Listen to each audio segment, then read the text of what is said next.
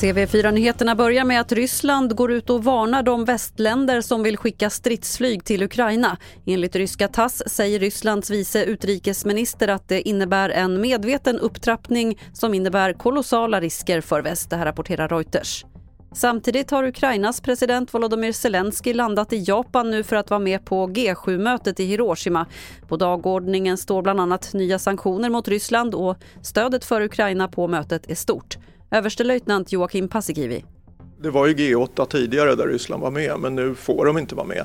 Och så bjuder man dessutom in Zelensky som, ja till Arabförbundet så flög han i det franska presidentplanet. Det visar ju också det stora stöd som Ukraina har bland G7-länderna.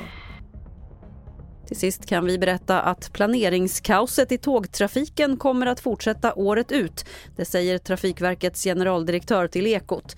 Det nya planeringssystem som infördes i höstas har lett till problem med att få besked om tågavgångar i tid. Först i december tror Trafikverket att man har kommit ikapp. Fler nyheter hittar du på tv4.se eller i appen TV4 Nyheterna. Jag heter Lotta Wall.